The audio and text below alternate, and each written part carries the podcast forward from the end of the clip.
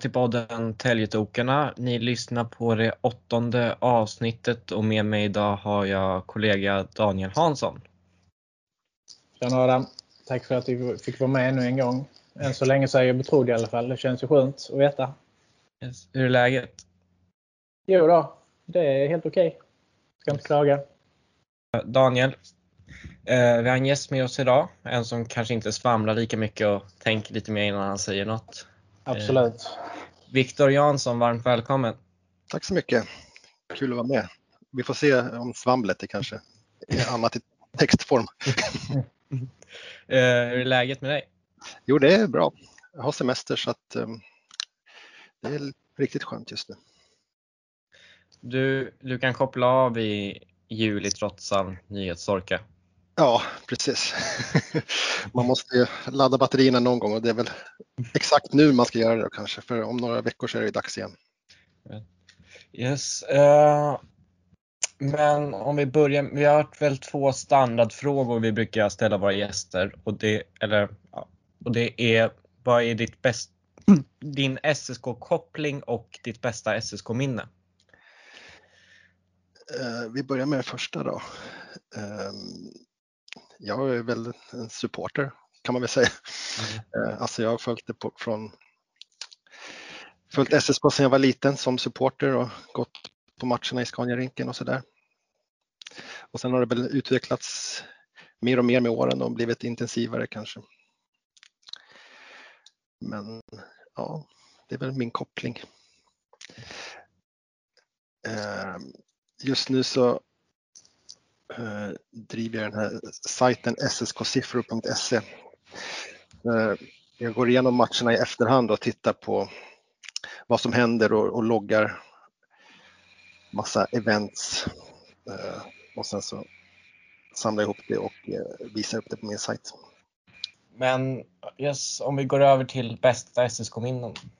Eller var du klar med SSK-siffror? Ja, ja, vi kommer säkert in på det mer sen kan jag tänka mig. Ja. Um, bästa SSK-minne det är väl ehm, som för alla i min ålder att det är väl framförallt två och det är ju Brynäs-matcherna när vi gick upp och eh, lockoutsäsongen, lockout-säsongen. Framförallt då kvartsfinalserien mot LHC såklart. Det var ju två, två otroliga upplevelser på sina egna sätt. Jag var 13 år tror jag vid Brynäs-matcherna så jag och några polare, jag bodde utanför Södertälje i Järna då. Så vi åkte bussen in direkt efter plugget och stod och köade utanför Scaniarinken och stod på ståplats. Mm. Det var ju galet tryck. Det var ju text-tv som gällde för mig en del och Radiosporten som gällde för mig en del på den tiden. Ja. Så, så gammal är jag liksom. Men det var också spännande, Radiosporten. Ja, jo. Ja. Jag minns också det. Mm. Och sen LHC-matcherna där då var jag lite äldre. Men det var ju Eh, fruktansvärt tryck på de matcherna. Det var lite som att när luften gick ur allihopa kändes det som till semifinalerna där mot mm. Färjestad. Men det var det värt i alla fall.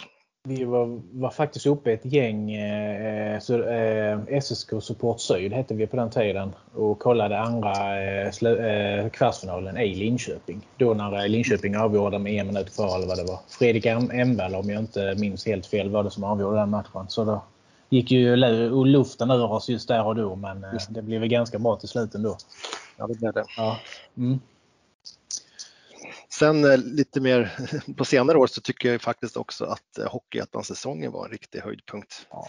Det var ju inte så kul när vi rasade ur såklart men eh, det var ju faktiskt en jäkla kul säsong. Mm. Jag är ingen supporter så där så jag brukar inte åka på, jag är en supporter men jag åker kanske inte på bortamatcher och sånt där, åtminstone inte nu för tiden. Men den säsongen kunde man ju åka till Haninge och Sollentuna och gå i några lador. Det var kul faktiskt. Kallinge-Ronneby och sånt nere för mig och Kristianstad och allt ja, ja. vad de var i för lådor också här, här nere vid. Så att, eh, mm. Lite annorlunda säsong minst sagt. Men jag är glad att det bara blev en säsong där i alla fall. Ja, jo, vi håller med. Jag talade för Adam i det fallet också. När började du djupdyka i hockeystatistik? För om, om jag inte minns helt fel, du brukade lägga upp vad du hade loggat på matcherna ett tag innan du startade upp din hemsida. Ja, precis, det stämmer. Alltså från allra första början som... Alltså jag ramlade på bloggar och sånt från NHL från början. När det här började mitten på 2010-talet när det började puttra ordentligt i NHL med det här. Eh, och tyckte det var spännande, läste någon artikel på hockeysverige.se och sen ju mer intresserad jag blev så hittade jag även lite svenska sajter. Eh, Petter Karnbro som är i Leksand idag hade en bra blogg.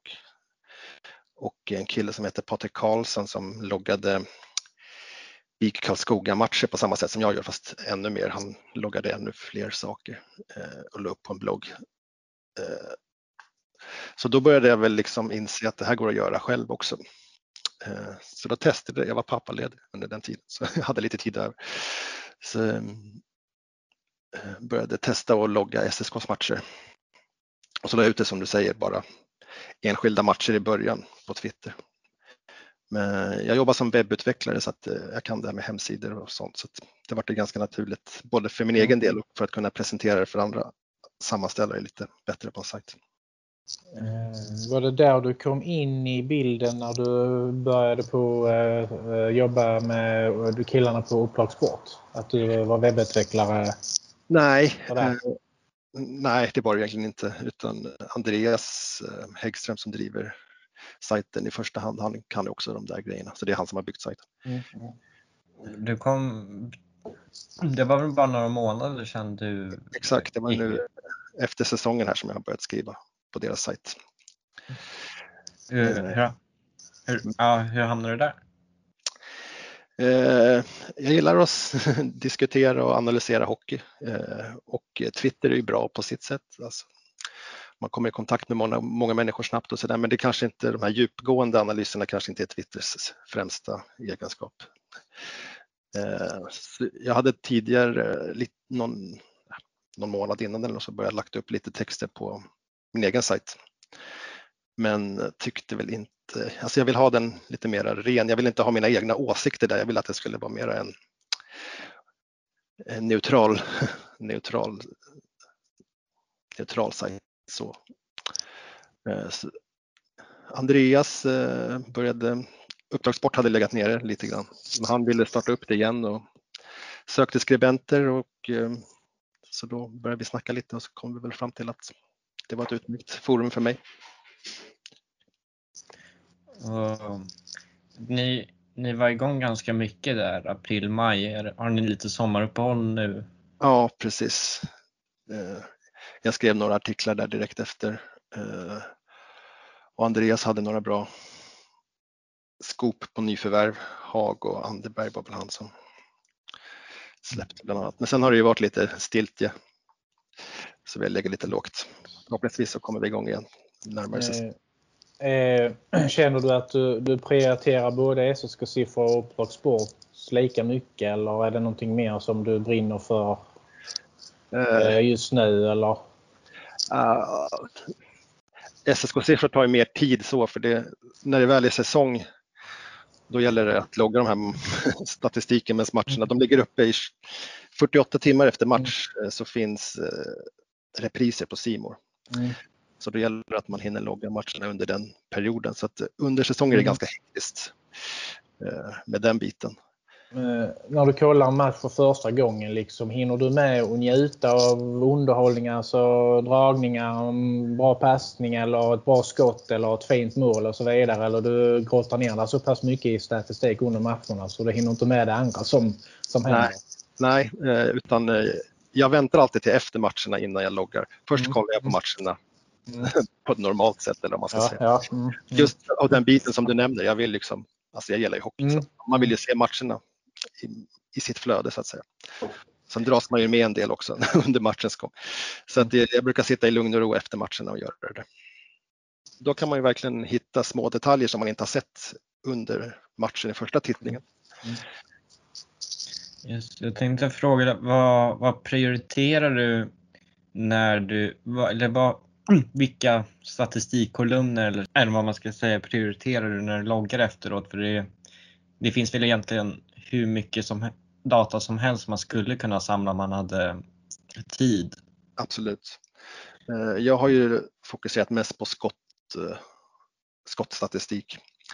Eh, alla skott så loggar jag vem som skjuter, vem som passar, vart ifrån skottet tas, tidpunkt, period, målskillnad när skottet och vilka som var på isen. Eh, det är det jag fokuserar mest på. Eh, och sen så loggar jag även utvisningar för och emot, alltså även vilka som får med sig utvisningar. Och zonstarter.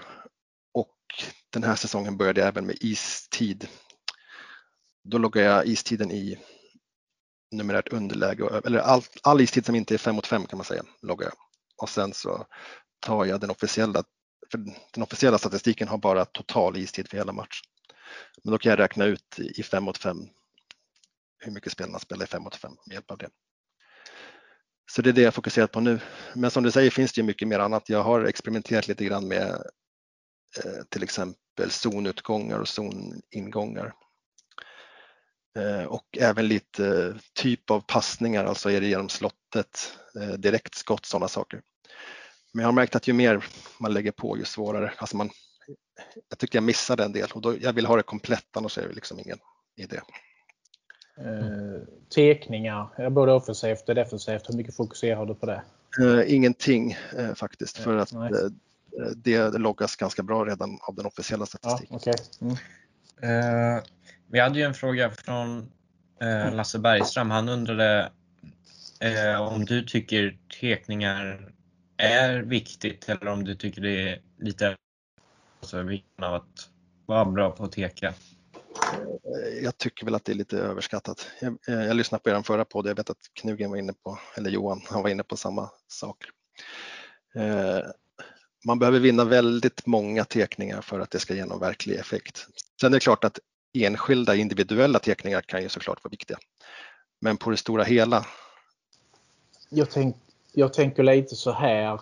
Om man är inne i en period där man kanske känner att laget har kanske lite svajigt försvarsspel och så vidare. Då, då kan det vara rätt så skönt att få vinna teckningar i, i försvarszonen och kunna få börja med pucken istället för att jaga puck och sådana grejer. Det är väl lite den tanken jag har att i, i vissa moment så kan eh, teckningarna vara ganska så viktiga. I, i, vissa, I vissa matcher och sånt där. Ja, och sen till exempel på slutet om du har plockat målvakten, alltså sådana där saker, mm, då, då, mm. måste du ju vinna teckningen självklart. Mm, mm. Men eh, som en total statistik så vet jag inte hur mycket det egentligen säger. Nej, jag köper det resonemanget. Men eh, eh, fortsatt på det området, Hockeyallsvenskan eh, till kommande säsong så är det ett nytt statistiksystem som ska införas. Eh, så det är Statnet som även sköter statistiken för SHL som ska ta mm. över statistiken för Hockeyallsvenskan. Så jag hoppas väl att det ska bli lite mer utförligt där så då kommer jag kanske kunna fokusera på lite andra saker istället. Om, om delar av det som jag loggar idag kommer finnas redan, då behöver inte jag logga det också. Vad finns det för utbud statistikmässigt på Hockeyallsvenskans hemsida? Det det finns inte sådär jättemycket om man ska vara helt ärlig. Eh, det finns ju poäng såklart, eh, istid, men då är det ju som jag sa total istid. Vilket är lite tråkigt för jag tycker det borde finnas förutsättningar att mäta per spelform, vilket skulle ge mycket mer. Mm. Eh, hoppningsvis kommer det bli så nästa säsong. Skott på mål, utvisningsminuter plus minus. Det är väl det som finns.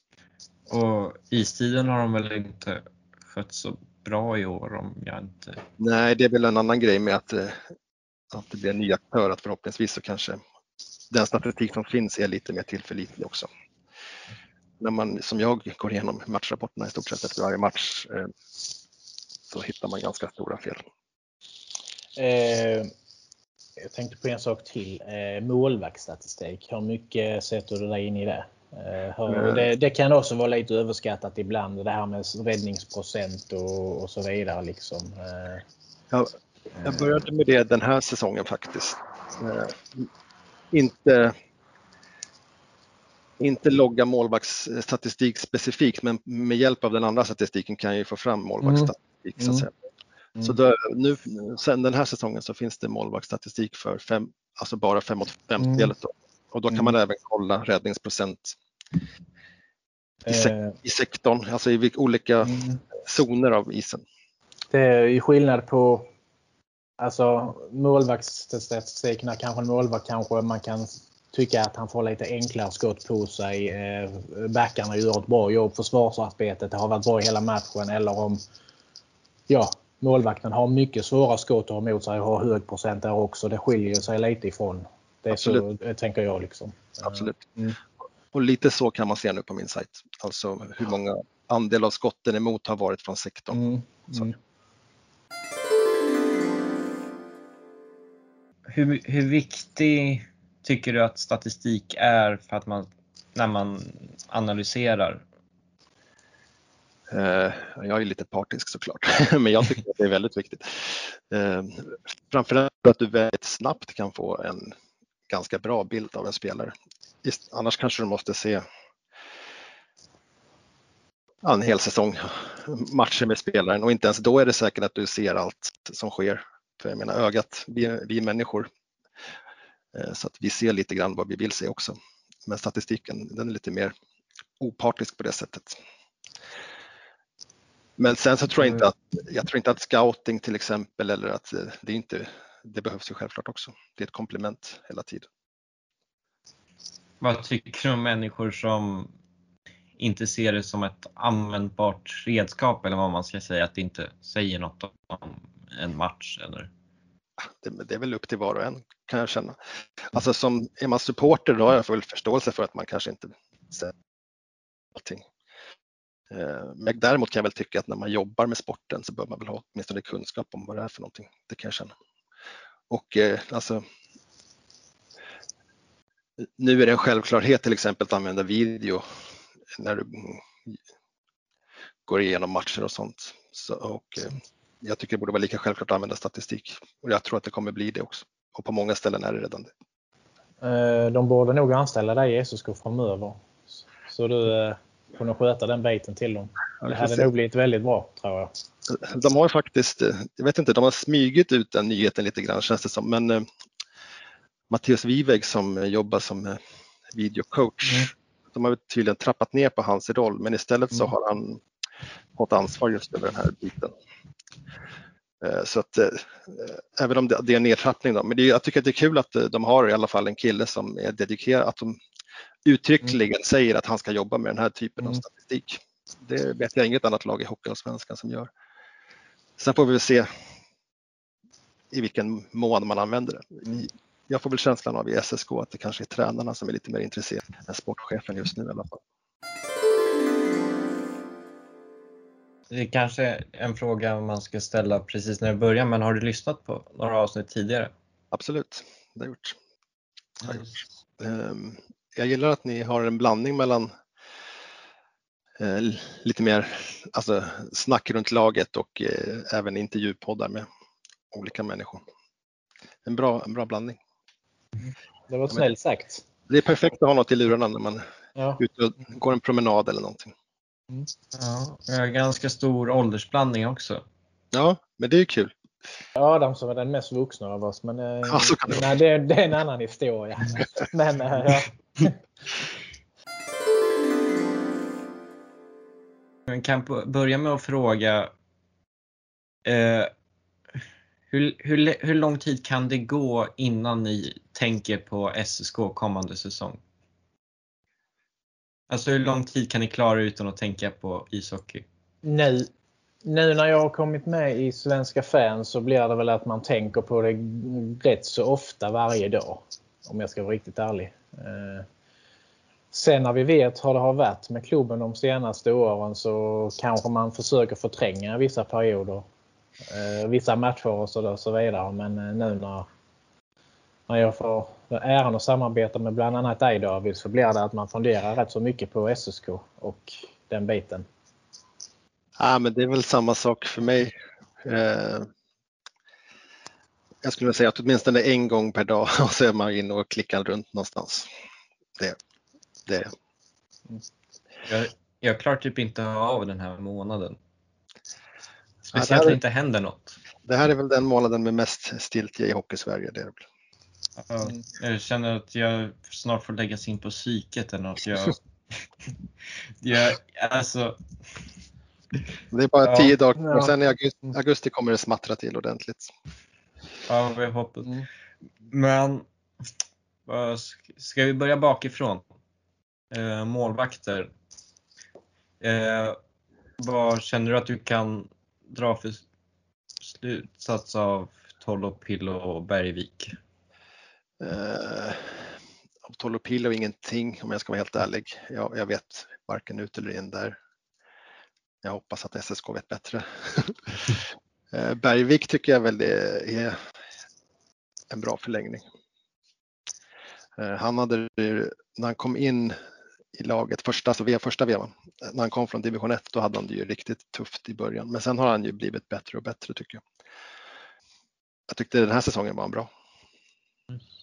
Han har jobbat väldigt hårt för mm. att eh, lägga om sin spelstil. Det vet jag bland annat. Eh, sen har han ju haft mycket skador också. Vilket ändå är imponerande att säga att han har kunnat ta sig samman som gjorde förra säsongen och avsluta den på ett bra sätt.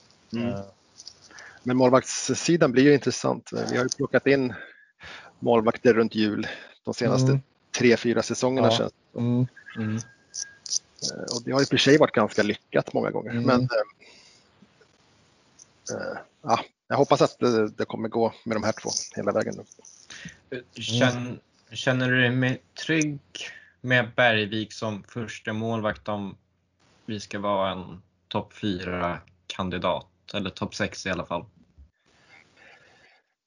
Eh, om han fortsätter att ta lite kliv. Han behöver nog vara, ta ytterligare ett steg. Men eh, han är absolut där och nosar, det tycker jag. Det för som jag förstår det så är Toll och Pillo det är lite det är mycket som behöver jobbas med där också, men du har väl bättre koll på det, va, Danne? Eh, ja, det, det, är väl så. Eh, han eh, behöver väl också lägga om vissa bitar i, i sitt spel för att, för att liksom kunna lyckas. Men eh, enligt Brassen så ska det ändå finnas en, en bra, bra rygg eller bra stomme att stå på. Eh, sen exakt detaljerat kan jag inte säga här och nu vad vi pratade om då och han behöver förbättra men eh, han är i alla fall ingen sån typisk rysk skolad målvakt utan eh, han är snabb i sina reflexer bland annat för jag har förstått det som. Trots sin storlek och ganska rörlig trots sin storlek. Så att, eh, där är väl någonting att bygga på i alla fall.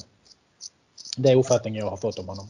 Ja, alltså det känns väl som, han är ju här för att spela matcher, måste det ju vara. Mm, mm. Så att de måste ju tycka att han är tillräckligt bra i alla fall. Ja. Sen är det klart att han kan ta steg och bli ännu bättre, men eh, jag, jag tror inte att de ser Bergvik som någon uttalad etta inför säsongen, att han ska, Tolopilo ska stå i bakgrunden, utan jag antar att de tycker att de ska kämpa på lika villkor. Mm. Mm.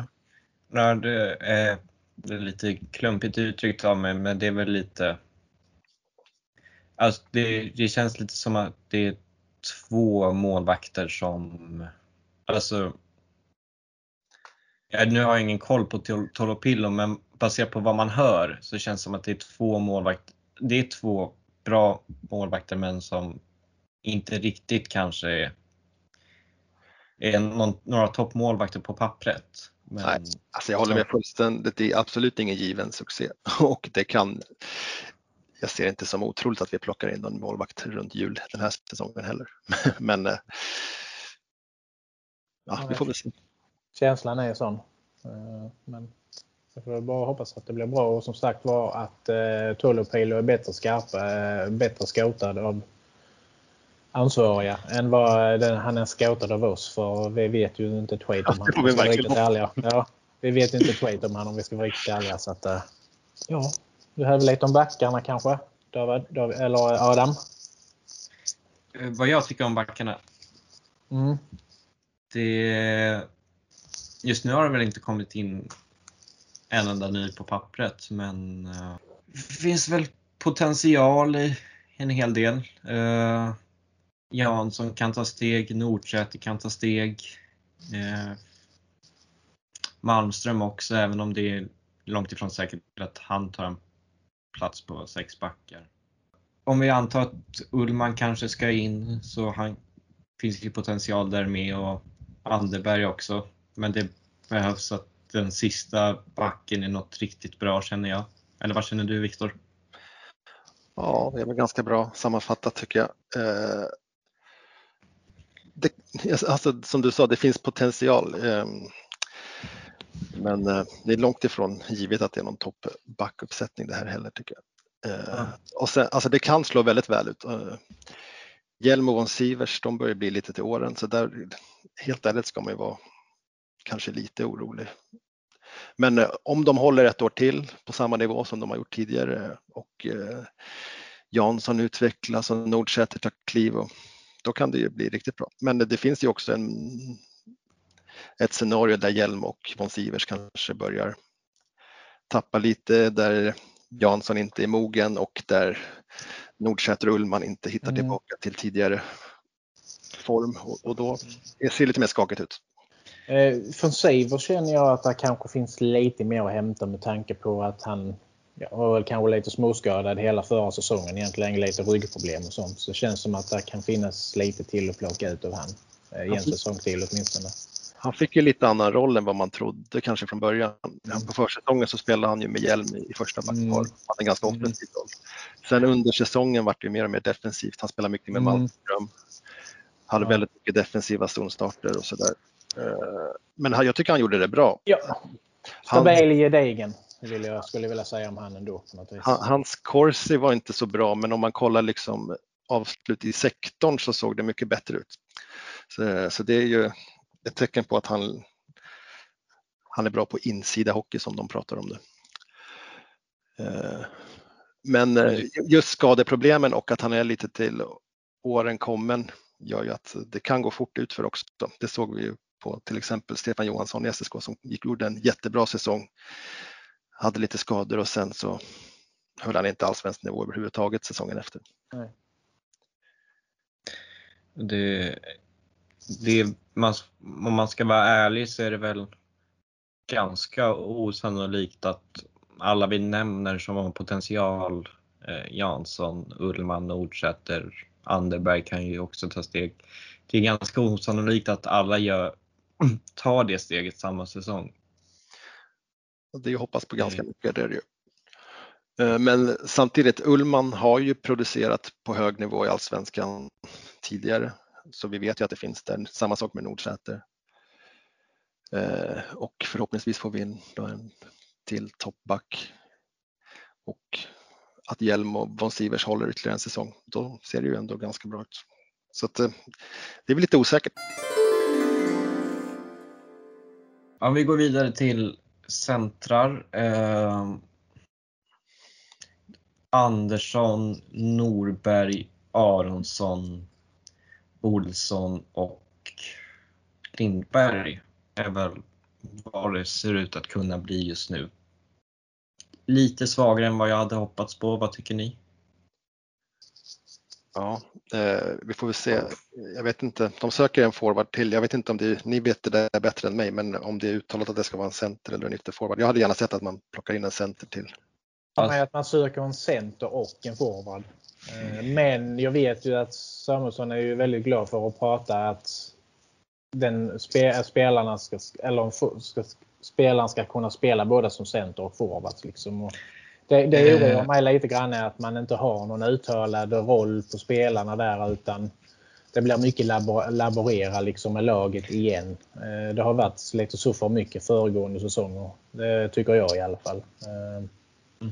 Eh, alltså, som jag förstår det, om man, om man vad heter, om vi bortser från de som ryktas vara klara.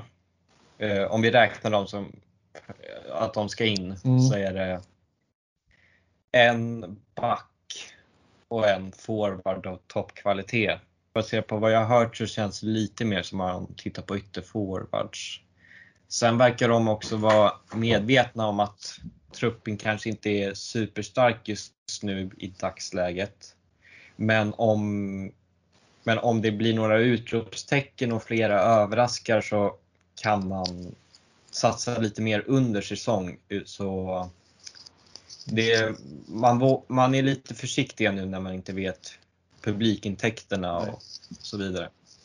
Eh, men eh, enligt Åberg, eh, ordförande, så eh, det ska finnas utrymme att kunna liksom göra kunna ta in ett riktigt bra namn om, det, om de hittar rätt spelare så ska det liksom finnas möjlighet och utrymme till att, att lägga de pengarna. Det, det sa han uttryckligen eh, till mig när jag, jag pratade med honom. Ehm, så att det verkar ändå som att de planerar för att förstärka upp truppen ytterligare men det kan ju kanske vara i augusti eller september eller oktober eller vad det nu är. Liksom. Det är när de hittar ett riktigt bra namn som mm.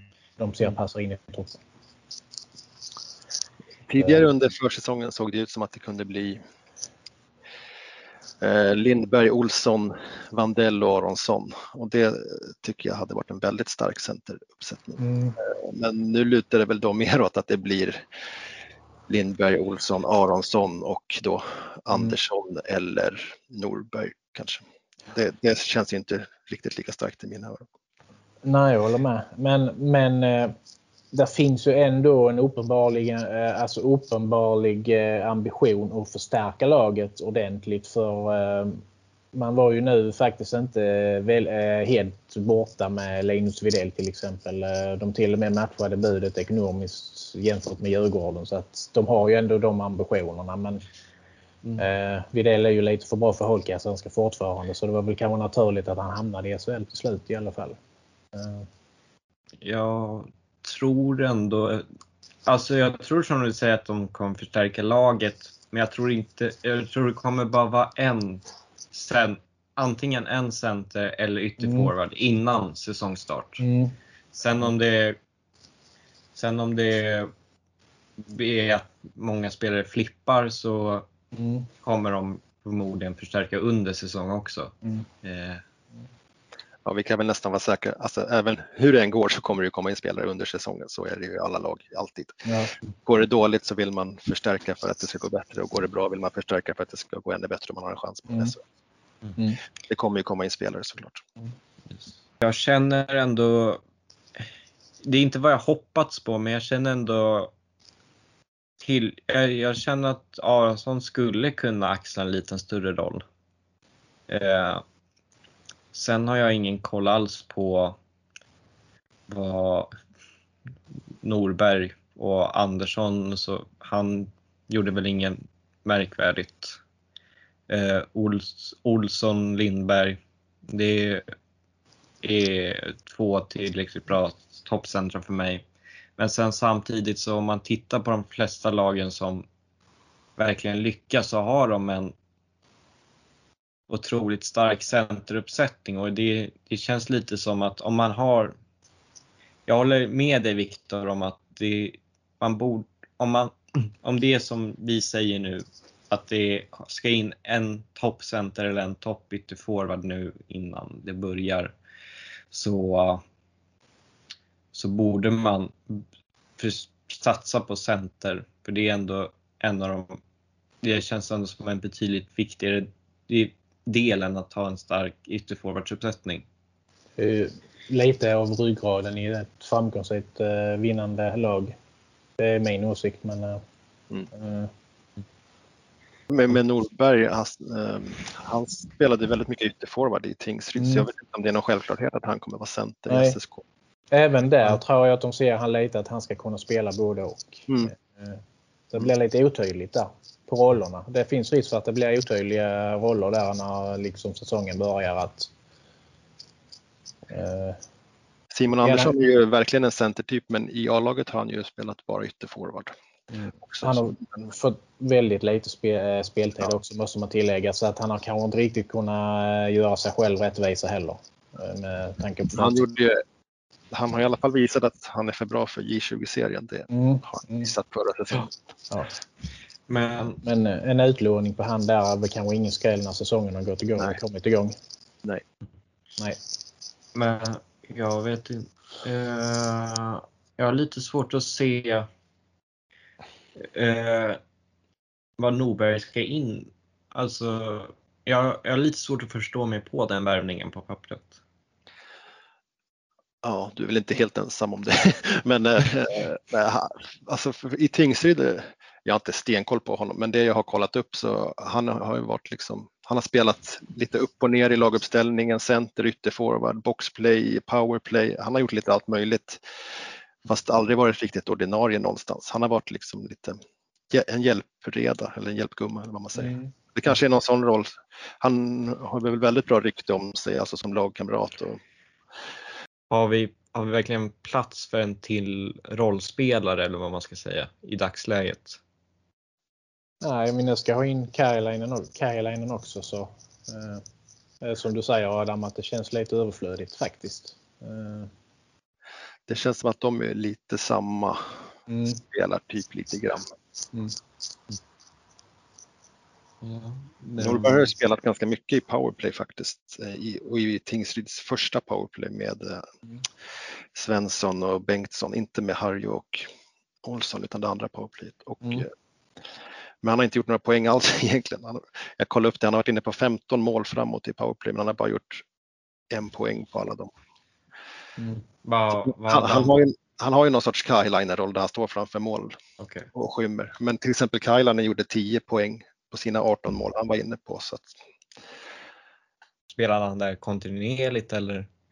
Eh, ja, ganska kontinuerligt. Så jag kan inte säga att han gjorde det hela säsongen men för det, känns ju, det måste ju vara någonting som får Magnus Bogren att ändå vilja sätta honom där. Ja. Många, eh, många vill ju ha någon hårt arbetande kille framför mål som skymmer och tar smällar. Det måste ju varit någon sån roll. Mm. Yes, och om vi går vidare till ytterforwards, eh, då kan väl du få börja den här gången Daniel? Ja, eh, som sagt var så har vi väl pratat om det innan att eh, en eh, lite spets på en spets ytterforward till i alla fall tycker jag behöver in. Som sagt var, det är lite osäkert på vilka roller eh, nyförvärv ska ha till exempel eh, Smith. Ska han gå som ytter eller ska han gå som center? Eh, om det blir som i Väsby så blir det Lindberg som center och Smith som forward. Men vi har egentligen ingen aning om hur, hur Bosic och Bemström resonerar på det, på det sättet. Eh, jag förmodar ju att de kommer till att testa dem i, i, ihop redan från början. Men man kan ju inte vara 100% säker på vad de tänker. Så att, eh, men eh, där fattas väl en, en spetsforward i, i första formationen känner väl jag i alla fall. Sen så eh, kan man inte ta in för många spelare heller nu till början med om vi då som du säger räknar innan med att de ryktade spelarna kommer till och vi har 11 på kontrakt nu och det skulle ju bli med Norberg, Kajalainen och eh, Hög så skulle det ju bli 14 forwards. Så då blir det då en, en till där så blir det liksom 15 forwards. Så då känner jag väl att butiken är stängd till säsongstart åtminstone i alla fall. Eh, så med tanke på att jag känner att det är otydliga roller än så länge så, eh, så känns det väl som att den sista forwardsplatsen får vara, får vara rätt så tung. Likadant som det är på den sista backplatsen att det får vara ett riktigt bra namn som ja, går in och spetsar till lagbygget ordentligt. Ja, jag, hade, jag håller med om att jag tror att de kommer göra det också, men jag hade ju definitivt eh, kört med Lindberg och Smith i en kedja och Olsson mm. och Harry i en annan kedja. Med tanke mm. på vilken kemi båda de ja. två mm. paren hade. Det, det, är ju tanken, men sen vad händer sen om, om det, det kommer skador med in i bilden? Om då man vill ha forward ska kunna spela både center och forwards, liksom kommer de då till att laborera runt spelarna i kedjorna eller för det har ju varit mycket det här senaste säsongerna, liksom laborerad med, eh, med kedjeformationer. Man byter ut spelare, man prövar olika konstellationer och man får inte riktigt rätt på det. Liksom. Att man kanske ska försöka ha tålamod och spela kedjorna redan från början på säsongstart och försöka köra med dem så mycket man bara kan. För till slut så... Eh, ibland, hittar ju, ibland hittar ju en kedja kemi direkt liksom och sen så ibland så får man ju vissa konstellationer får man ju pröva sig fram. Men, eh, ja, det har varit lite nu, nu, finns ju verkligen chansen här med de här två blocken. Mm. De är, både, har ju kemi både på och vid sidan av isen, båda mm. de paren. Men som du säger, det är klart att det kan komma saker i vägen ändå. Mm. mm. Skador och dylikt. Frågan är ju bara vilken som ska vara tredje, mm. tredje gubben i, i de två kedjorna. Liksom. Det är väl kanske där det blir svårt. Att få ja. till det. På ja, nu ska in en till säger ni mm. också. Ja, men, eh, som det ser ut just nu hade väl jag haft Hag i ett, jag vet inte vilken av dem, men Hag och Alba är väl de två, i, av de forwards vi har nu i alla fall, som jag hade placerat i de två kedjorna. Wilban Beovik har jag väl funderat på lite kanske också, kan gå in uh, i någon av de två. Ja, han är också en spelare som jag, mm. alltså, som jag inte riktigt jag vet inte riktigt i vilken roll han är värvad om vi säger så. Jag vet inte hur de tänker med honom riktigt. Nej. Det känns som att han, han kan ju gå upp inom de kedjorna säkert också. Men han kan säkert också spela i en tredje eller fjärde kedja. Mm. Heikkinen kan också vara en joker känner jag. Ja, uh, um, absolut. Att, det var synd att han fick en så strulig säsong nu. Mm. När man skriver kontrakt, tvåårskontrakt med en så ung kille så hoppas man ju att första året att han ska liksom att det är andra året som han verkligen ska blomma ut. Men nu känns det mm. nästan som att hans status är lägre än när han värvades på grund av den jobbiga fjolårssäsongen mm. han hade. Absolut. Men det finns ju mm. någonting där. Det gör det. Mm, ja, ja. Oh, ja. Rätt omgivning. Så. Ska hitta den omgivningen till honom också så att han kan få göra den säsongen som han är varvad för också. Han var rätt pigg när han kom in i slutet på säsongen faktiskt. Mm. Mm alltså om man tänker på vilka namn det pratas om så känns det som att det är något tungt på väg in som du säger, Anne. Mm. Alltså vi har nämnt att eh, alltså Vandell var inte alls omöjligt innan han fick intresse från utlandet och någon klubb söder, söder lite längre söderut i SHL. Och så man matchade Videll ekonomiskt mm. och man har hört sig för om Rafaella var, alltså, det känns ju som att man verkligen letar någonting som ska kunna lyfta ett hela laget. Videll gjorde de ju faktiskt ett väl, verkligen ett ärligt försök att få dit han liksom. Så att eh, ambitionerna finns ju ändå där trots att det är många som gnäller och klagar på vad är det för skit liksom som kommer in och samma här tänker han och så vidare. Men men, men, men med sådana namn som vi har nämnt så finns det ändå lite ambitioner och liksom ändå lyfta in spets i truppen som gör, gör laget starkare. Eh, det är min känsla i varje fall. Nu, jag är medveten om att det inte är så enkelt och att eh, Nej. våra nyförvärv kanske inte hade varit här om det hade varit så, men det hade inte varit helt Nej. fel att ha Blomstrand med Lindberg och Smith till exempel och Bengtsson med Harry och Nej. Olsson. Nej, Nej. Jag, det, det, jag förstår. Jag, jag, fort, jag är fortfarande ganska sur över att man släppte Blomstrand. Ja, sen vet man inte riktigt hemma. Alltså, vi kanske inte har hela bilden. Han säger att han ville stanna men det är inte säkert. Alltså. Ja, jag lite, sen, sen har jag läst lite grann också att han har också sagt att ja, det var kanske dags att röra på sig ändå. Ja. jag tror att det var lite grann hade man dragit ut på förhandlingarna så hade tiden gått så hade han bestämt sig för någonting annat. Ja, då hade man fått börja leta någonting annat istället. Liksom. Så att, mm. Jag tror att de var där, kanske var där i förhandlingarna att Blomstrand tvekade. Och klubben kunde vänta hur länge som helst. Liksom. Eh, det är inte så att jag tror att han blev avpoliterad direkt utan jag tror nog att samma också tänkte till liksom mer än en gång hur de skulle göra där.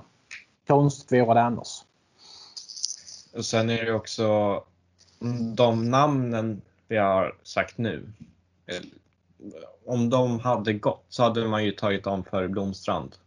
Och det hade ju kanske inte gått lönemässigt att ha Nej. Bägge två. Så mm. det, man får ju kanske, man får också vänta till att truppen är klar innan man kan det, analysera det. Men mm. jag har i alla fall inte fått uppfattningen av att man har gjort ett ärligt försök att behålla Ludvig? Det... Jag, nej, nej, i det fallet. Nej. Jag har ingen inside där, men min känsla har varit ganska länge att han inte skulle bli kvar. Och Tar man i, i Bengtssons fall så, så tror, var det nog ett väldigt svårt beslut. Det har Samuelsson sagt själv att det var ett väldigt svårt beslut att ta. Men eh, Kristoffer eh, Bengtsson, en riktigt bra spelare i Hockeyallsvenskan när han är frisk och när han är i form. Då är han tillskott till vilket lag som helst ska vi vara ärliga det så att han har varit borta ganska många matcher under de här två säsongerna på grund av skador också. Så att jag tror ju att det är ju nog den stor, ett stor del i beslutet som, som han kände sig tvungen att ta. Liksom. Mm. Om det var för stor osäkerhet på hur, hur mycket matcher han egentligen skulle spela. Sen i hans fall kan jag tänka mig också att, för han värvades ju under Pernhem och Lundbergs tid. Han hade nog ett ganska bra kontrakt tror jag. Mm. Så att, eh, det, ja. Även om han har gjort det bra så kanske han hade behövt gå ner lite i lön och det kanske mm. han inte var så sugen på.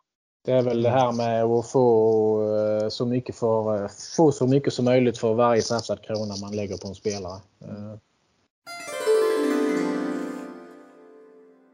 Men om vi pratar om spelare som förmodligen kommer spela här istället. Mm. Ja, Nordberg har vi redan pratat om, men Hag och Anderberg, hur ställer du dig till dem? Eh, positivt på båda värvningarna. Eh, Anderberg har gjort en jättebra säsong. Eh, Fysisk, bra defensivt men även helt okej okay med klubban. Har ett häst, en hästspark till skott, alltså han skjuter ju stenhårt. Så det, det är väl en bra värvning. Uh, har du lite, alltså jag vet ju bara, jag kommer ihåg att under slutspelet att jag liksom nästan satt och dreglade när jag såg Anderberg spela. Uh, vet du, var han lika bra under grundserien också? Eh, han hade väl, jag har inte en full bild, men min uppfattning är att han kanske började lite trögare med att han kom igång under säsongen. Och sen hur mycket det hjälptes upp av att han fick spela med Kapla i backpar, det vet jag inte. Men eh, han blev bättre och bättre i min uppfattning i alla fall. Och eh, William Haag, han vet jag att du tycker om. Ja, absolut. Sen hade han en tuff säsong. Eh, men eh, de två säsongerna innan har han gjort det riktigt bra. Han var väl i tre olika klubbar förra säsongen va? Ja. Jag vet inte. Almtuna, Linköping och eh, vad var han med? Modo var han väl en liten sväng i också va? Ja, han slutade i Modo. Ja. Där gick det inte alls bra, men det, gjorde, alltså, det var ingen bra... Det, gick inte det gjorde, det, det gjorde det inte för någon där. Nej, precis. Nej. Och jag vet inte, han värvades in i någon sorts fjärde kedjeroll där tror jag på något sätt. Jag vet inte. Det kanske inte var så lyckat. Och att han hamnar i Linköping vet jag, det är klart att eh, de vill ha en bra spelare men jag tror kanske att de tog den spelare som var tillgänglig lite grann också. Jag vet inte vad som hände med Hag och Almtuna riktigt men det verkar som någonting har skurit sig lite grann i alla fall. Mm. Eh, men som sagt var, säsongen innan där gjorde han ju en jättebra säsong. Eh, fick spela med, jag tappade namnet, Tony Mårtensson och mm. Tobias Lindahl där i Almtuna. De var ju en mm. väldigt bra kedja. Ja, ja, det känns ju som att han skulle vara för bra för att inte platsa i Almtuna. Så det är som du säger att det är nog någonting annat som ligger bakom att de gick skilda vägar. Mm. Sen hade han också, om man kollar på hans skottprocent så var den väldigt låg förra säsongen. I Almtuna mm. den låg på knappt 6 procent.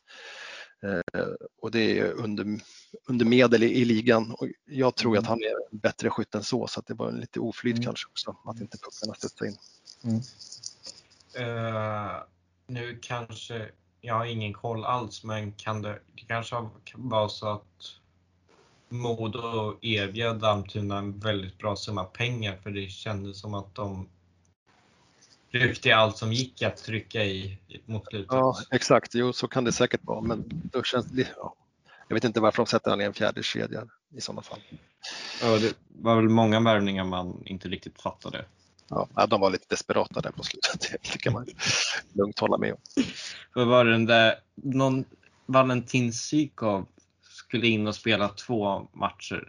Ja, det vart ju förskjutet hela tiden. Han fick aldrig komma in. Och jag, jag förstår inte riktigt varför. De, det var ju, även om många hypade upp Väsby mot slutet, det var ju väl aldrig riktigt nära. Nej, var... nej men de, de, de erkänner ju inte det efter säsongen, men de gick ju för slutspelsplatsen. Det var ju väldigt tydligt när de gjorde alla värvningar. Men sen efter säsongen så lät det som att det var för att säkra allsvenska platsen. Riktig soppa, men... Eh, Lite sidospår så tror jag att de kommer vara betydligt bättre i år. Eller den här säsongen. Mm. Mm. Ja. Det är ju väldigt, jag ska säga överlag väldigt svårtippat. För det är många, mång... okej, jag hörde inte att du var igång David. Eller Adam. Nej, alltså jag menar bara med en sån tränare så kan det bli väldigt bra oavsett, nästan. Mm. Mm. Ja, jag tycker de har ett helt okej lag på pappret också. Ja. Och de söker fortfarande någon, precis som SSK söker väl någon offensiv spets också om jag förstått det rätt. Mm. Ska jag, lägga in, jag vill lägga in en liten brasklapp där på Carlin bara. Nu tränar ett lag där det är mer förväntningar också. Det har, jag vet inte, i Mora funkade det inte så bra men det är klart, då var de väl också underdog i, i ESHL och det var, har ju varit Västervik också nu i Hockeyallsvenskan. Visst, det är ett bra namn men det är ju inte given succé innan vi liksom har sett hur säsongen startar. Så att säga. Mm. Jag, jag, eh, jag har ingen koll alls på Mora-tiden egentligen men jag, tänkte, jag är inte så imponerad av att, vad de har värvat. Sen tror jag absolut att de kommer sluta betydligt bättre än 12. Men ja, ja absolut kandidat till topp 6. Det tycker jag. De har plockat in eh, två backar som jag gillar väldigt mycket i Bernhardt och eh, Eh, Nässén. Mm. Som eh, hade väldigt bra underliggande siffror i SHL båda två. Mm. Jag förstår inte, Nässén han tänkte jag han skulle gå till Finland eller något. Ja, det var också, trodde jag också faktiskt. Och jag trodde nog att Bernhard skulle bli kvar i Finland också. Vi ska gå, komma till konkurrenter lite senare. Um, men jag tänkte fråga Ullman och Kahilainen. Uh, kan man ju spekulera om man tror att de är klara eller inte, men skulle du förlänga med dem? Det är svårt att säga. Jag, ty jag tycker inte att det är fel att göra det, men jag hade inte protesterat jättehögljutt om det inte hade blivit så heller kanske. Eh, men Kajlainen har ju blivit en eh, supporterfavorit så att det hade väl kanske blivit lite ramaskri om de inte hade gjort det. Men eh, han kanske inte tillför så mycket på isen tycker jag, som många andra tycker. Även om han är ung och såklart kan utvecklas och eh, gör vissa saker väldigt bra. Mm. Det, det blir lite kaka på kaka om man tar in Norberg och förlänger med honom. Jag tycker också att det är lite grann samma spelartyp på något sätt. Eller samma, inte spelartyp kanske, men samma typ i laget som kan spela lite här och där och som är ja. jag, jag är lite splittrad kring Ullman men jag kände samtidigt, finns det så mycket bättre alternativ på marknaden till ett rimligt pris för en back i andra tredje backpar? Nej, alltså jag tror han kan göra den rollen bra.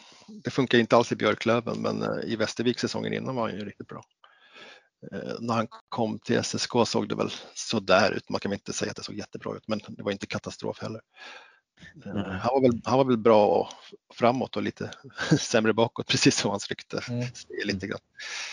Jag tyckte, ändå, jag tyckte ändå han gjorde det ganska bra grundseriematcher när han spelade. Uh, har jag för mig i alla fall. Nu kanske jag är ute och cyklar men sen gick det lite sämre, eller ganska mycket sämre i slutspelet med Falk och det kanske är väl det man kommer ihåg starkast. Det var, mm. var ju ingen SSK-spelare som kom upp, kom upp i nivå i den eh, kvartsfinalserien. Så att, eh... Nej. Nej, men just uh, Ullman och Falk hade ju några katastrofmatcher där mm.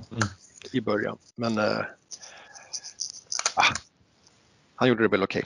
Okay. Uh, jag tror att han absolut kan tillföra under säsong om man får hitta tillbaka till sitt spel. Uh, hjälp mig. Spelade inte han med Nordset några matcher? Jo, absolut. Jag har för mig att jag gillade det backparet, men jag... Ja, ja eh, det, det var lite samma. Det hände mycket framåt och mycket bakåt när de var tillsammans. de, de är roliga att titta på i alla fall. Nordsäter, finns det inte, kan inte det finnas mer uppsida på han offensivt också? Eh, än vad han vis, har, visade förra säsongen. Jag, jag hade inte riktigt koll på när han kom. Jag hade förväntat mig att han skulle vara mer av en defensiv, stabil back, men han var ju väldigt aktiv eh, i hela spelet. Så. Mm. Sen kanske han ibland varit lite för aktiv, att han ville, mm. han var, han ville mer, mer än vad han skulle kanske ibland. Det är för stora risker kanske. Mm. Mm. Var, han hade ju en, ett, en ganska rörig säsong. Mm.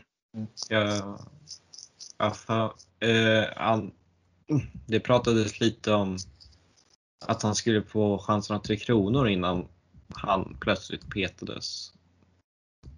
Så, och sen var det lite, inte den bästa starten heller. Kommit och inte ens varit med på en träning och sen åka på fyra mål bakåt mot Väsby. Nej, han hade, alltså, spelmässigt gjorde han okej okay i början men han hade ju oflyt måste man ju ändå säga. Alltså efter mm jag tror bara efter fem sex matcher hade han fortfarande 50 räddningsprocent när han var på isen. Det var något helt galet. Och det är, som påverkar ju också självförtroende, Klart. även om det inte är hans fel, definition. Eh, men det känner, han blev bättre och bättre tyckte jag. Kanske han och Ullman om de blir lite mer trygga. Så det kan vara ett bra backpar. Eh, vi har pratat lite överlag om lagbygget. Om du tänker, vad, vilka, vad ser du för styrkor och vad ser du för svagheter rent generellt? Eh, jag tycker att jag gillar verkligen värvningarna av Lindberg, Harjo och eh, Olsson och Smith. Nu vart det konstig ordning på de namnen, men ni förstår. Yeah. Alltså de två blocken, de gjorde det ju väldigt bra i sina respektive klubbar. Eh, och eh, hade positiv målskillnad i 5 mot 5 båda två, båda blocken. Även fast de spelade i ganska svaga lag, eller svaga lag, men Tingsryd var väl ärligt talat inte mycket sämre än SSK i 5 mot 5. Men Väsby var det definitivt.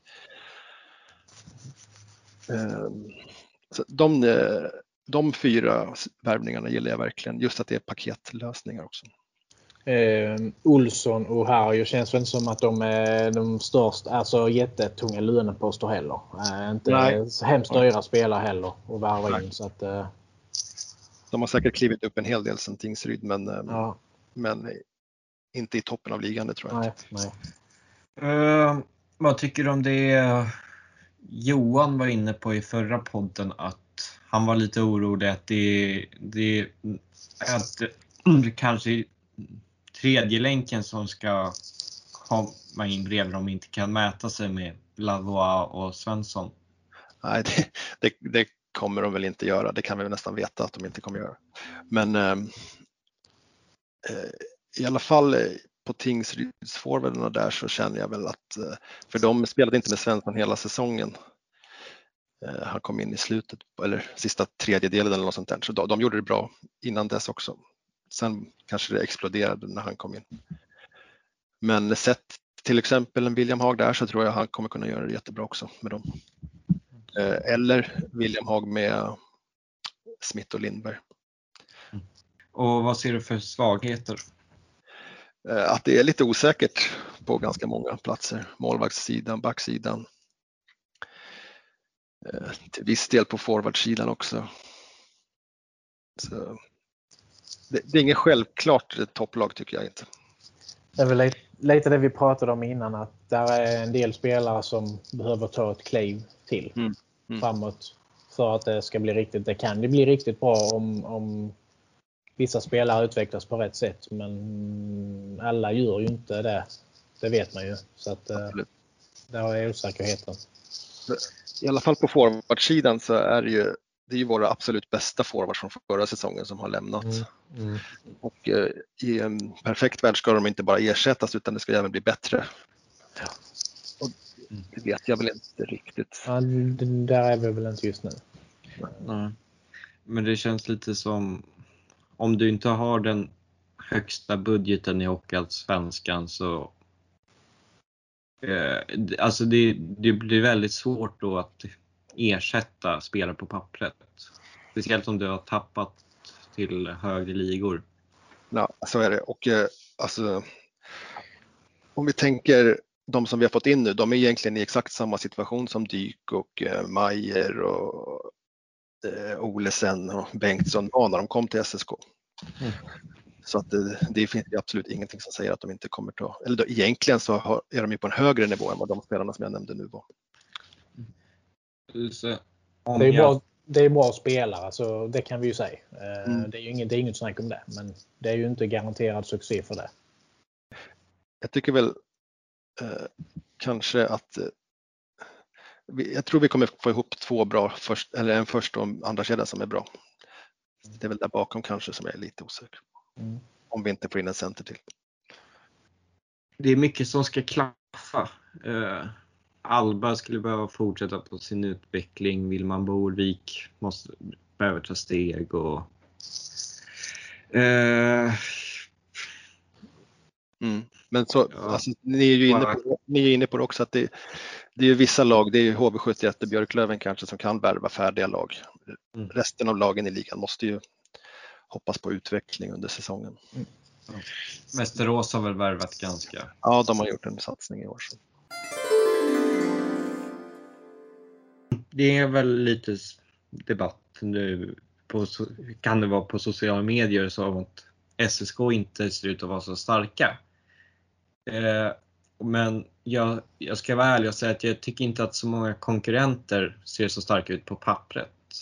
Alltså det är de tre vi nämnde nyss.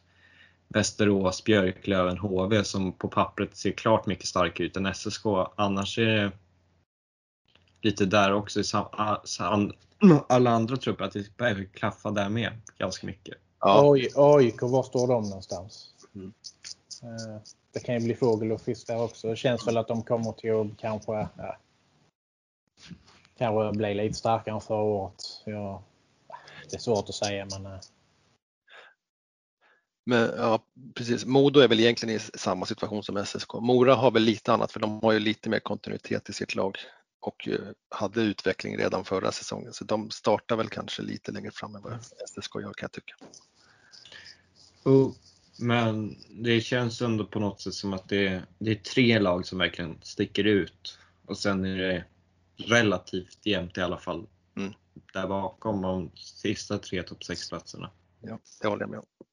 Eh, skulle väl anknyta lite till HV eh, där igen och eh, eh Lindback, eh, eh, Lindbäck. Eh, det har surrats mycket om att SSK liksom, de gjorde inte så mycket för att behålla han och vissa säger till och med att SSK vill inte behålla han. Men det där stämmer inte riktigt.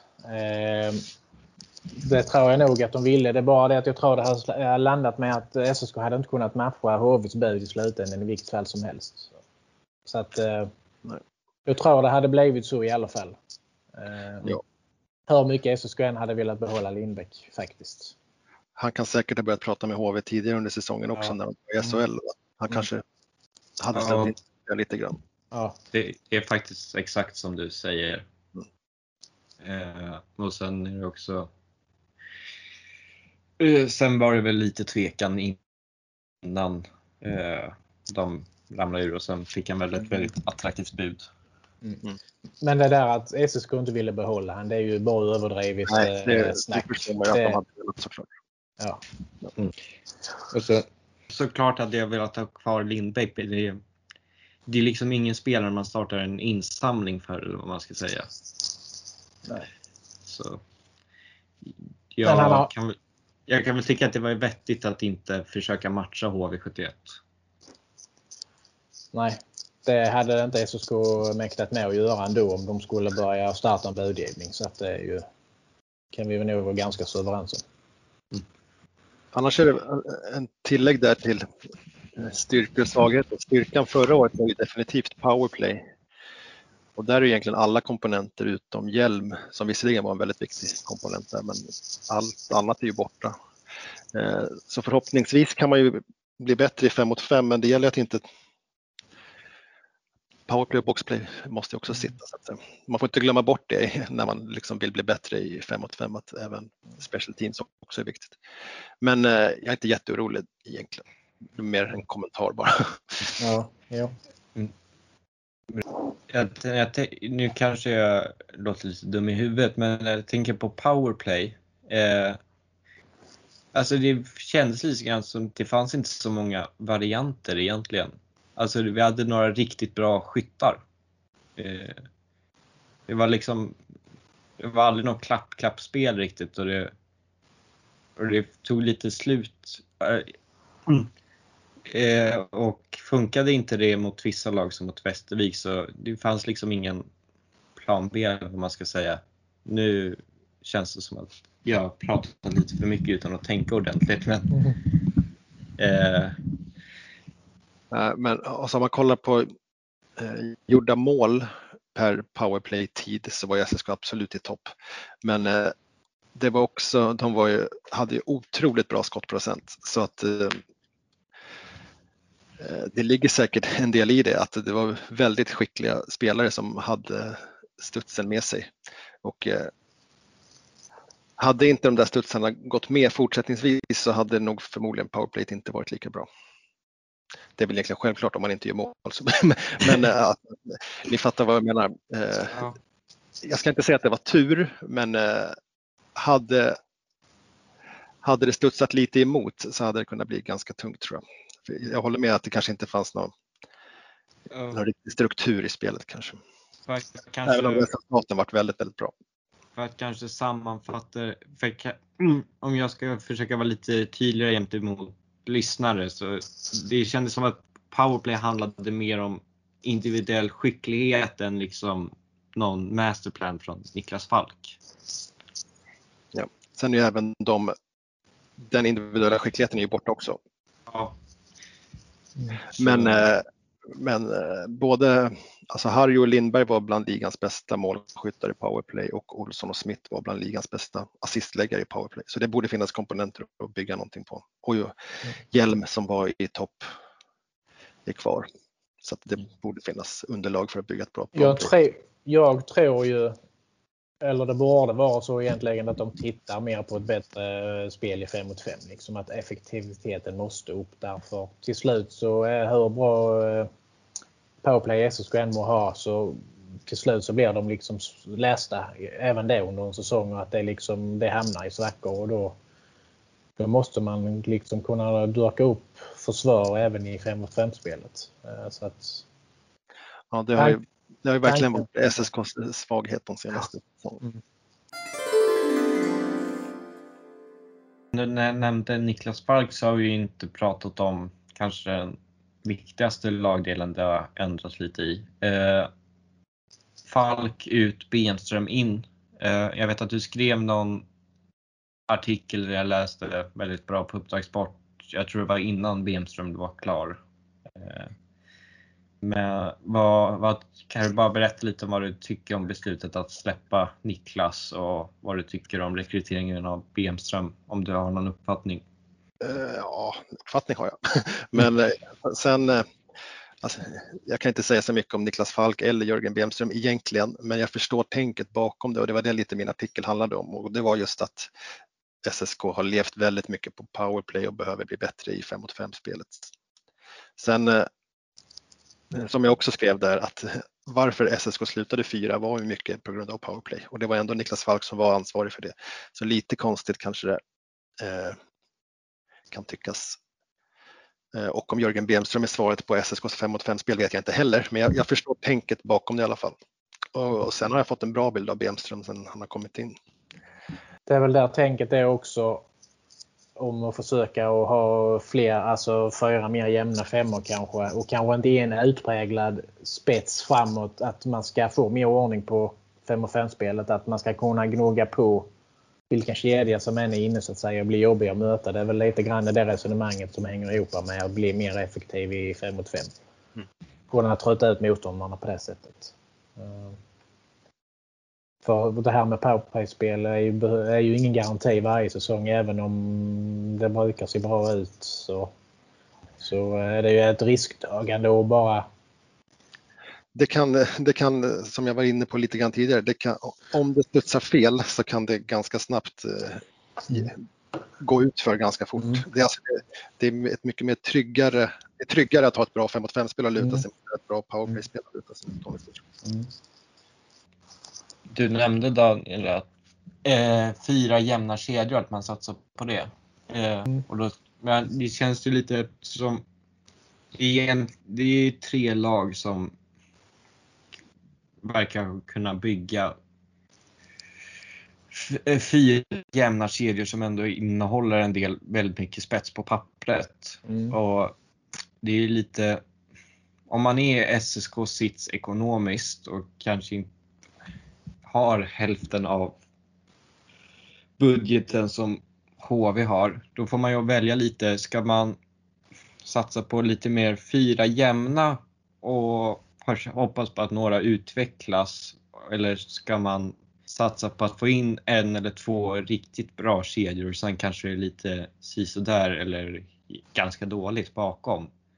Eh, och då är det lite, det blir på något sätt, det kommer finnas något att klaga på på förhand vilket alternativ man än väljer för man har inte resurserna för att bygga ett slagkraftigt lag fullt ut och jag kan väl, även om jag är lite negativ ibland och kanske har varit i det här avsnittet också om vissa lagdelar så kan jag ändå tycka Samme ger rätt val att han försöker bygga lite mer fyra relativt jämna och sen kanske hoppas att det är några som flippar.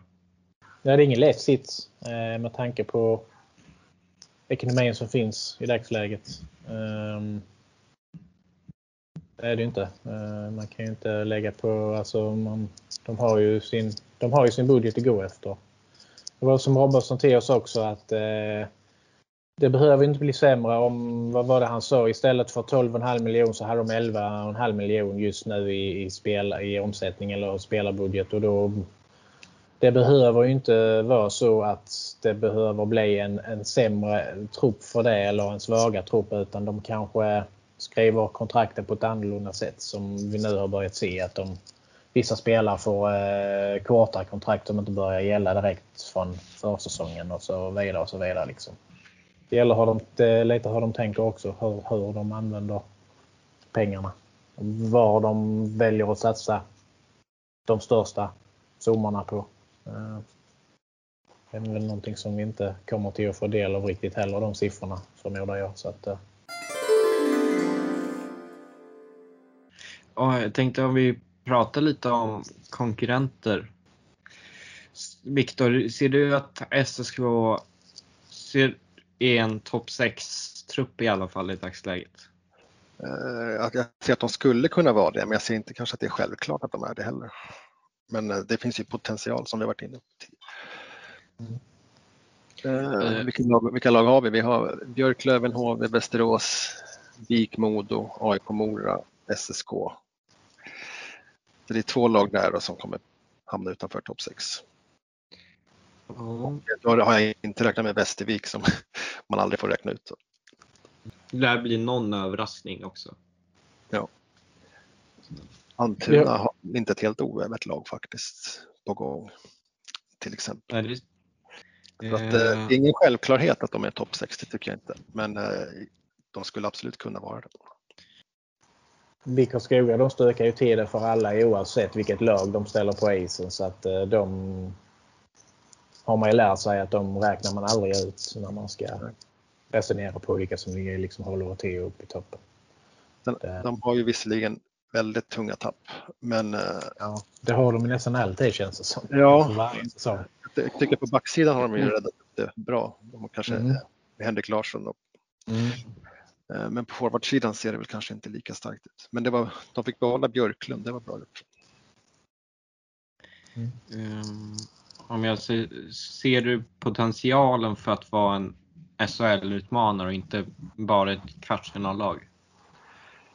Uh, uh, inte, nej det gör jag inte. Mm.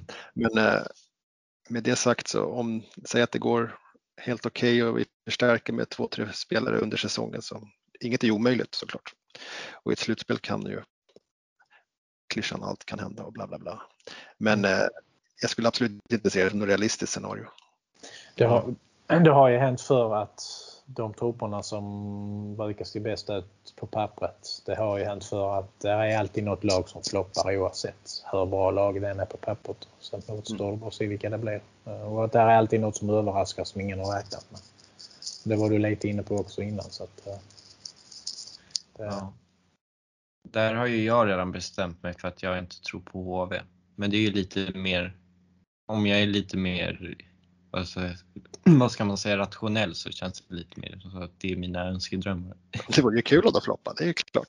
Det är ju, sen är det ju lite det med slå hela etablissemanget på näsan liksom att eh, eh, mm. nu ska ni komma ner här och se hur jävla svårt det är att överleva här och att det är inte så enkelt att gå upp alla gånger liksom. Mm. Men det är lite sen också, jag kanske, och när jag säger hoppas på flopp, så jag tror att det finns en realistisk möjlighet att de missar kvartsfinal men kanske lite mer, ja, jag tror inte de kommer leka hem grundserien kanske som Timrå gjorde.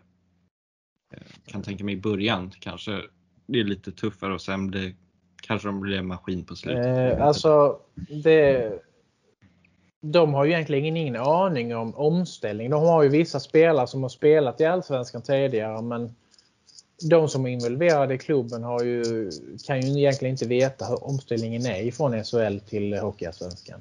Eh, mer än det de har hört och det de har kanske sett och scoutat och så vidare. Eh, eh, alla lag kommer ju till att tokköra när de möter just HV71 också. Och det kan säkert bli svårt för dem i vissa matcher att hantera det. Men visst.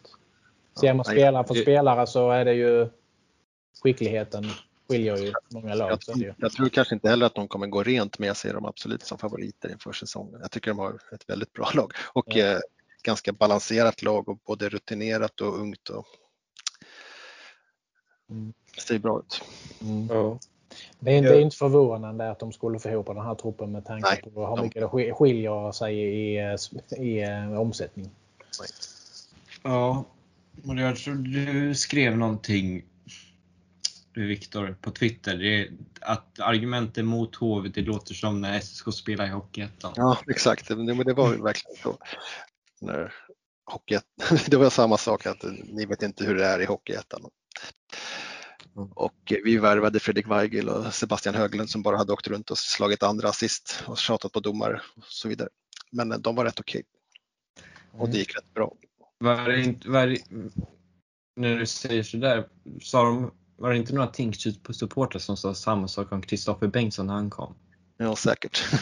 Eller jag för mig det var någonting i SSK-podden att han, hade, att han hade så bra kondition för att han åkte efter domaren hela tiden och jagade andra assist. Ja.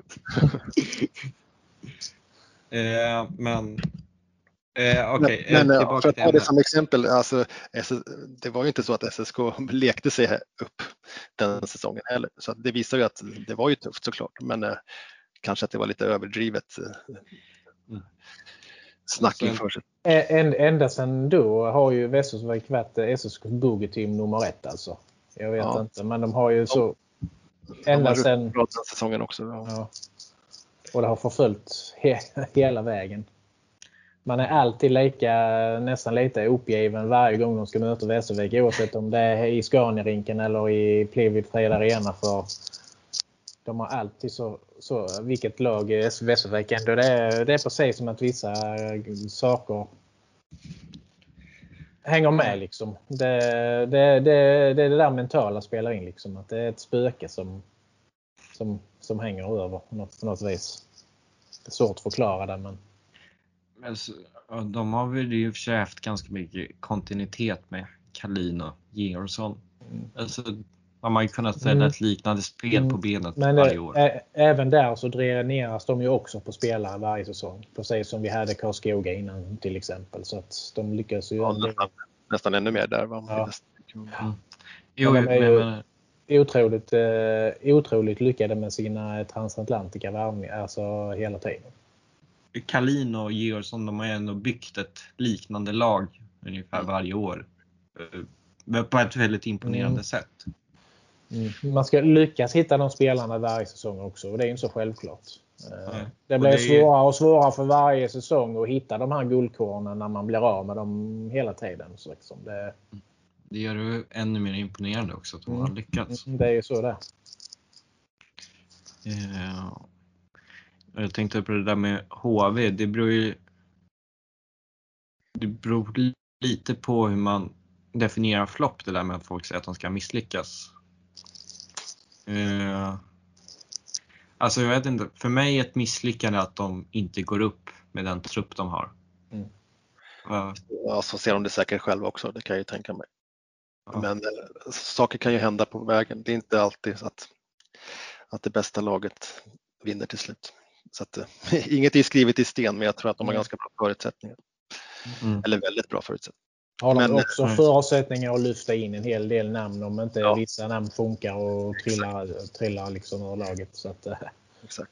Mm. Men sen det finns ju lag där bakom. Västerås har vi pratat om lite och sen Björklöven kan ju bygga lite i skymundan den här säsongen när HV pumpar in namn. De har ju också ett väldigt bra lag. Uh, Björklöven, det känns lite även där att uh, nu är det lite mer andra förväntningar inför den här säsongen, men förra säsongen var lite, det kändes lite, det spelar ingen roll vad de gjorde egentligen. Oavsett om de vann eller inte, det var, de var ganska mediokra ändå tyckte alla. Ja. Även om de gick till final. Precis, de, för, eller, mm. de skulle leka hem, det var tanken. Jo, och det är lite, lite det jag är ute efter att Eh, och HV gör samma sak och de kommer två eller tre och sen går till final. Och så, så kommer de ändå tycka att Tommy Samuelsson är flopp och det är inget bra. Bla, bla, bla, även fast de har gjort en, på pappret en bra hockeyallsvensk säsong. Ja, så är det säkert. Men eh, man måste också vara lite realistisk. att det liksom fint. Man spelar ju mot andra lag och, och saker kan hända. Ja. Så att eh, inget är gjort. Gällande, gällande Björklöven så kan jag väl kanske känna att de är lite, kanske lite bortglömda just nu. De Precis. kanske inte kommer till att vara riktigt uttalade favoriter som innan och det kan också vara en sak som gör att de, de är där och nosar ändå i slutändan. Det ser ut som att de får i stort sett lika starkt lag i år igen i alla fall. Mm. Mm. Det, väl, det, blir nytt på målvaktssidan. Jag vet inte. Men mm eh, och backsidan är väl inte helt klar än, men eh, forwardsidan ser väldigt stark ut. Mm. Och Jag kan väl säga också att det kanske låter nu som att jag försöker, om ni lyssnar på det här och tyckte inte Björklöven var så bra så kanske ni tycker det låter som att jag försöker knäppa er på näsan, men det gör jag verkligen inte. Jag gick till och med så långt att jag tippade på att Mora skulle slå ut dem i kvartsfinal. Eh, men vad, vilka mer lag finns det vi inte har pratat om? Uh, jag vet inte. det känns... Västerås har gjort en jättesatsning uh, och de har ju bra forwardsida och back, eller målvaktssida. Backsidan är kanske lite, det, gäller, det är lite som SSK, alltså de har ju två toppnamn i Gunnarsson och Jansson som är riktiga. Det är två av seriens bästa backar. Men där bakom känns det kanske lite som att det är lite osäkert. Fernholm måste hitta tillbaka till den formen han hade tidigare och kanske också eh, vad heter han som kom från Björklöven som inte funkade alls i år? Um, Tornberg. Ja, ja, yes. Och sen har de plockat in någon kanadensare där, Roy, som det också gäller att han inte floppar. Så det är lite osäkert bakom de två toppnamnen där. Men jag kan tänka mig även där att det säkert kommer om det visar sig att de inte håller så kommer det komma in spelare under säsongen. De, de har ju lämnat lite utrymme för att värva också. Mm. De kör ju bara 13 forwards och 7 backar. Deras forwardsida ser väldigt intressant ut. Det känns som att det är tydliga roller men ändå i alla fall ganska mycket spets i de tre första om man försöker sätta ihop några kedjor. Mm. Sen kanske inte From är någon stjärnspelare Eh, Nej. Men, eh, och eh, jag är inte kanske lika glad i Lavois som många andra är heller. Men de hade ju väldiga problem i powerplay och där vet han ju hur man lirar i alla fall. Så det är en bra värvning på det sättet. Han har inte så bra hemjobb vad jag förstår. Eller, det ser man ju för ganska tydligt också när SSK möter, mötte Vita Hästen och Karlskoga och allt vad det nu var. Men han har ju offensiva kvaliteter. Det har han. Brycklund och Svensson gillar väldigt mycket båda två. Framförallt Svensson. Va, undrar vad det var, SSK verkade inte vara intresserad av Svensson. Nej. Det, det, det känns jättemärkligt. Eh, det har väl eh, vad heter, Micke, vad heter han, Micke Norén va, som har Vik Fan Central, den här Vik-bloggen. Ja. Han, han, har väl skrivit att eh, SSK kanske hade lite frågetecken kring arbetsinsats och sådana saker. Att det är därför mm. som de inte var så intresserade. Men det, det finns ju kring Smith och Lindberg exempelvis också tänker jag. Disciplin och sånt framförallt. Ja. ja jag hade gärna sett den i SSK. Mm. Yes. Det var nästan som man liksom hade räknat med att han skulle dyka upp i SSK denna säsongen.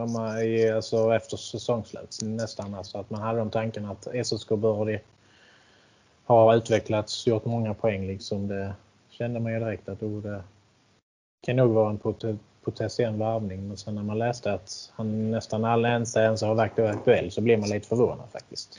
Mm. Jag tänkte att han skulle till SHL. Jag blev lite förvånad att han skulle till Hockeyallsvenskan överhuvudtaget. Ja. Han har väl, han nästan inte purung. Han har ju slagit igenom ganska sent så jag kan tänka mig att det kanske finns lite mm.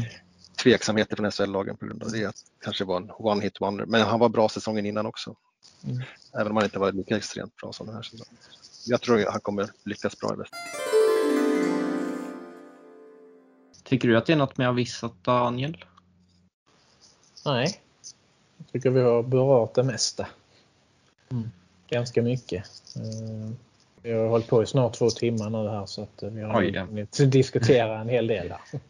Eh, vad tycker du Viktor? Jag är nöjd. Yes. Eh, nej men då så. Det är mer att snacka om men man måste sluta någon gång. Mm. Absolut. Du har något att bita i sen när du ska redigera. Va?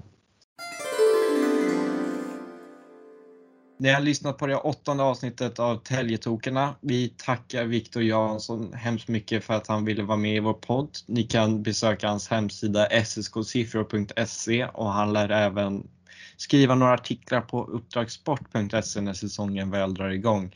Eh, mitt namn är Adam Gunnarsson och jag har poddat med Daniel Hansson. Vi vill gärna veta vad ni tycker om podden. Vi finns på Twitter, Facebook och Instagram. Där heter vi Sportklubben Svenska fans.